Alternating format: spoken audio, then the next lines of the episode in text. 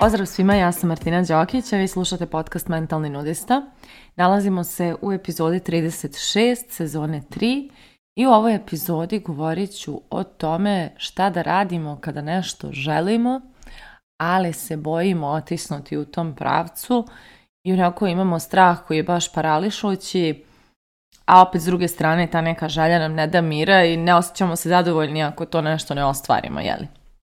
I ovaj me inspirisao razgovor sa mojim trenerom. Nešto smo pričali baš o strahu, o kretanju u određenim pravcima u životu i tako dalje. I e, prvo što mi je bilo zanimljivo u tom razgovoru što je onako iskočilo jeste koliko je pogrešno imati očekivanja da e, krećemo se u nepoznatom, da se krećemo u nepoznatom pravcu, a da mislimo da je normalno da nemamo strah. I to prosto biološki nije moguće, jer e, nemoguće je krenuti i, i zakoračiti u nekom pravcu, u neki projekat, u neku odluku, u neki potez koji nikad ranije nismo uradili i koji nosi neki rizik, a da sa tim rizikom i tim nepoznatim korakom ne dođe i osjećaj straha.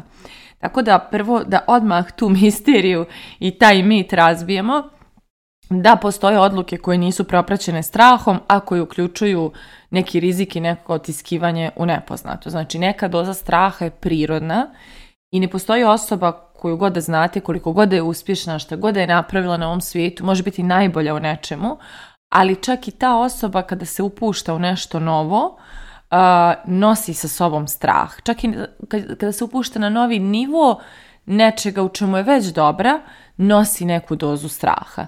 I to je prosto, kao što rekoh, naša biološka reakcija, zato što naš mozak je e, ne voli nepoznato. Znači, poka treba da pravi neke nove paterne ili obrazce na našem jeziku, E, njemu je to nešto što ga, da kažem, troši, troši mu više energije, tjera ga da mora da sada razmišlja šta ako ovo, šta ako ono, šta ako se desi ovako, šta ako se desi onako. I da naš mozak ulazi u tu potrebu da proba da što više iskontroliše riziku koji se upuštamo, jer on je sprava koja je tu da nas zaštiti, da nas sačuva od opasnosti. A čim idemo u nepoznatom pravcu, naš mozak ima taj izazov da iskalkuliše šta sve može da se desi, jer nije bio tamo i ne zna, i automatski ulazi u neke, da kažem, stresne tokove misli, jer za naš mozak to jeste stres. Znači, izgubio je kontrolu, automatski to izaziva nelagodu, strah, stres, anksioznost i svašta nešto. I onda je tu naravno ovaj, prirodno da postoji ta neka nelagoda i neki strah i da prosto uprkos tom strahu mi koračamo naprijed i krenemo u pravcu neke odluke. E sad, važno je isto razaznati gdje je tu zdravo ići uprko strahu, a gdje je prilično ono nezdravo. Znači, postoji nešto što je izlazak iz zone komfora i znači rast i, i otiskivanju nepoznato, a postoji nešto što se zove zona panike, ulazak u zonu panike. Ulazak u zonu panike se dešava kada smo baš previše izašli iz zone komfora i kada smo otišli u toliko veliki rizik da je to tako preplavljujuće i da apsolutno ne uspjevamo da uživamo u dobrim stranama tog istupanja u, u nekom novom pravcu, tog, tog nekog, da kažem, kretanja na neki novi nivo. Znači, uopšte ne možemo da, da pokupimo benefite toga jer je toliko strašno i teško to što smo uradili, da sve što osjećamo je ogroman strah i anksioznost i stres i prosto ono, toksično je, jeli, nije, nije uopšte povoljno po nas. Tako da, zona panike je nešto što je, dolazi, ono, što je e, level iza e, izlaska iz zone komfora. Znači ako je ostanak u zoni komfora jedna krajnost, e, zona panike je druga krajnost, a između se nalazi izlazak iz zone komfora ili to neko istupanje s nekim zdravim rizikom.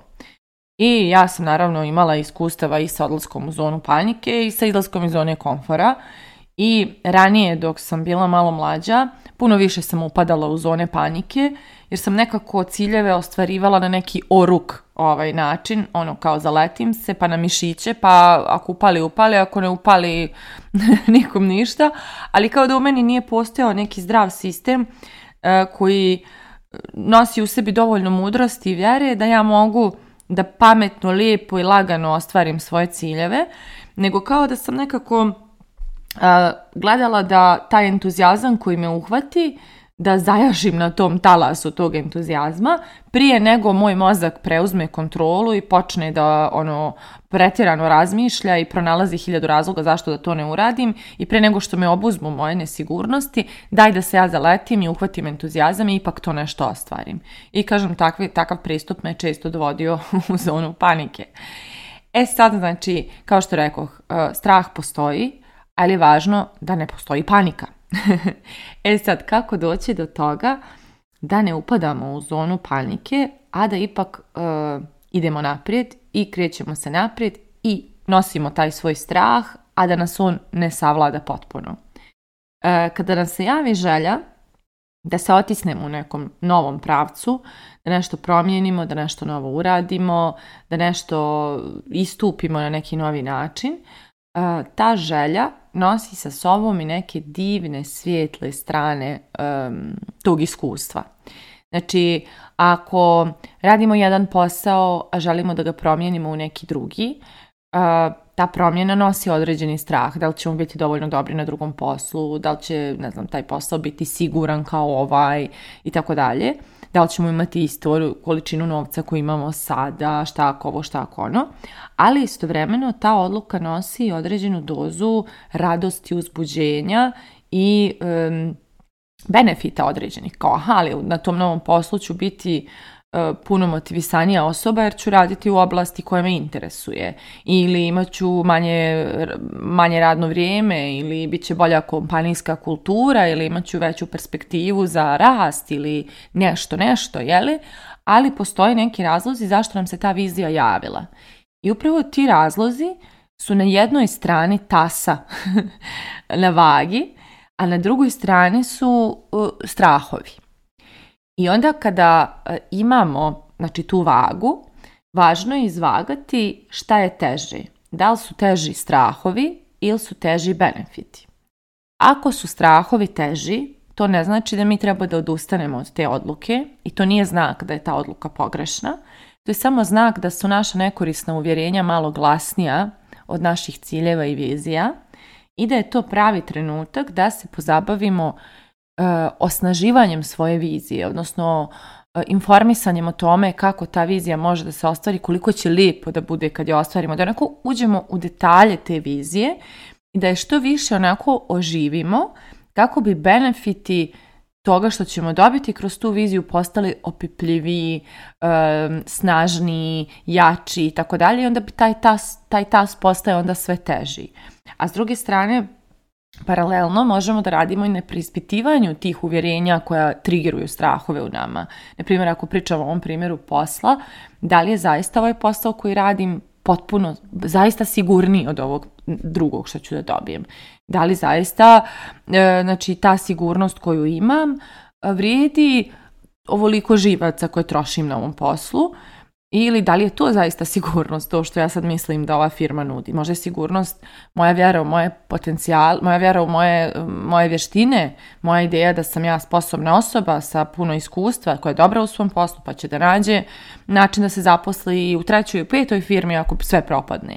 Znači, da li je sigurnost stvarno u toj nekoj firmi ili je sigurnost u meni? Naprimjer, krenemo tako, preispitujemo sve te neke stvari koje nam se pojave u glavi kao, kao protiv teža i protiv, ono, dokazi koji, odnosno misli koje nas sabotiraju. I onda, naravno, tu možemo uvijek i da uključimo nekog da nas podrži, da li neke osobe koje su već prošle taj put, da li neke podcaste poput ovih ili neku vrstu rada sa nekim, bilo da je to coach, terapeut, neko, odlazak ne, na neku edukaciju, evo poput NLP-a koji ja držim i na taj način doslovno eh, mi možemo da se pobrinemo da taj tas na kojem su strahovi malo olabavi i postane malo lakši. I da onda, da kažem, strahovi se smanjuju, benefiti te vizije se osnažuju i mi, jer osjetimo da su benefiti snažniji od strahova, odlučujemo da istupimo u tom pravcu. I to je ono što će učiniti da zakoračimo naprijed, iako je strah prisutan i da prosto ovaj, ne odustajemo od svojih vizija, prosto ne žrtvujemo svoj rast zarad nekih ograničenja koje nosimo u sebi. I to je ono što je nekako baš važno da spoznamo, da kao ako ćemo čekati da straha ne bude, mi se nećemo mrdnuti nikad nigdje. Znači to prosto neće se ništa desiti. znači ćemo doslovno da žrtvujemo sve neke vizije nekog puno ljepšeg, kvalitetnijeg života, neke puno samouvjerenije verzije sebe i tako dalje. Znači, nećemo upoznati neke bolje verzije sebe, zato što smo izabrali da nas strah obuzda i da strah bude taj koji je glavni vodič. I, i da prosto naš fokus bude puno više usmjeren na strah, umjesto na osnaživanje vizije koja nas zove i doziva i, i onako izaziva da se pokrenemo. Tako da, eto baš to, znači ako ćemo da hranimo strahove, mi ćemo u suštini da žrtvujemo neki, da kažem, i lepši i kvalitetniji život i neku zadovoljniju, snažniju, svjetliju verziju sebe i to je nekako baš tužno jer ima baš mnogo načina da ne mora tako da se živi. Znači zaista sad smo u doba i podcasta i knjiga i YouTube-a i TikToka i Instagram profila i edukacija i radionica i webinara i svega. Gdje zaista postoji milion načina da e, taj malo svoj strah neutrališemo i umanjimo, odnosno taj da sve te stvari koje izazivaju strah u nama svedemo na neki zdrav minimum, a da paralelno i svoje vizije i svoje snove osnažimo kako bi ta strana vage postala teža i kako bi prosto naš korak, naša odlučnost da iskoračimo nepoznatu postala snažnija i prosto kako bi, da kažem, i dok koračamo i nosimo se sa strahom, mi ipak osjećali da činimo dobru stvar i, i, ono, uži, i da prosto možemo i da uživamo u tome što nam ta nova promjena i taj nepoznati smjer donose sa tim koračanjem. A uvijek nam donose promjene, stvarno e, zaista mogu da nam donesu fenomenalne stvari kad se ovako zdravo načine te promjene. Tako da, da ne dužim više, moje pitanje za kraj ove epizodije je šta vi radite? Da li uporno hranite svoj strah i e, družite se više s njim ili osnažujete svoju viziju i spremate se da iskoračite u nepoznato. Mislite o tome, a mi se družimo u narodnoj epizodi.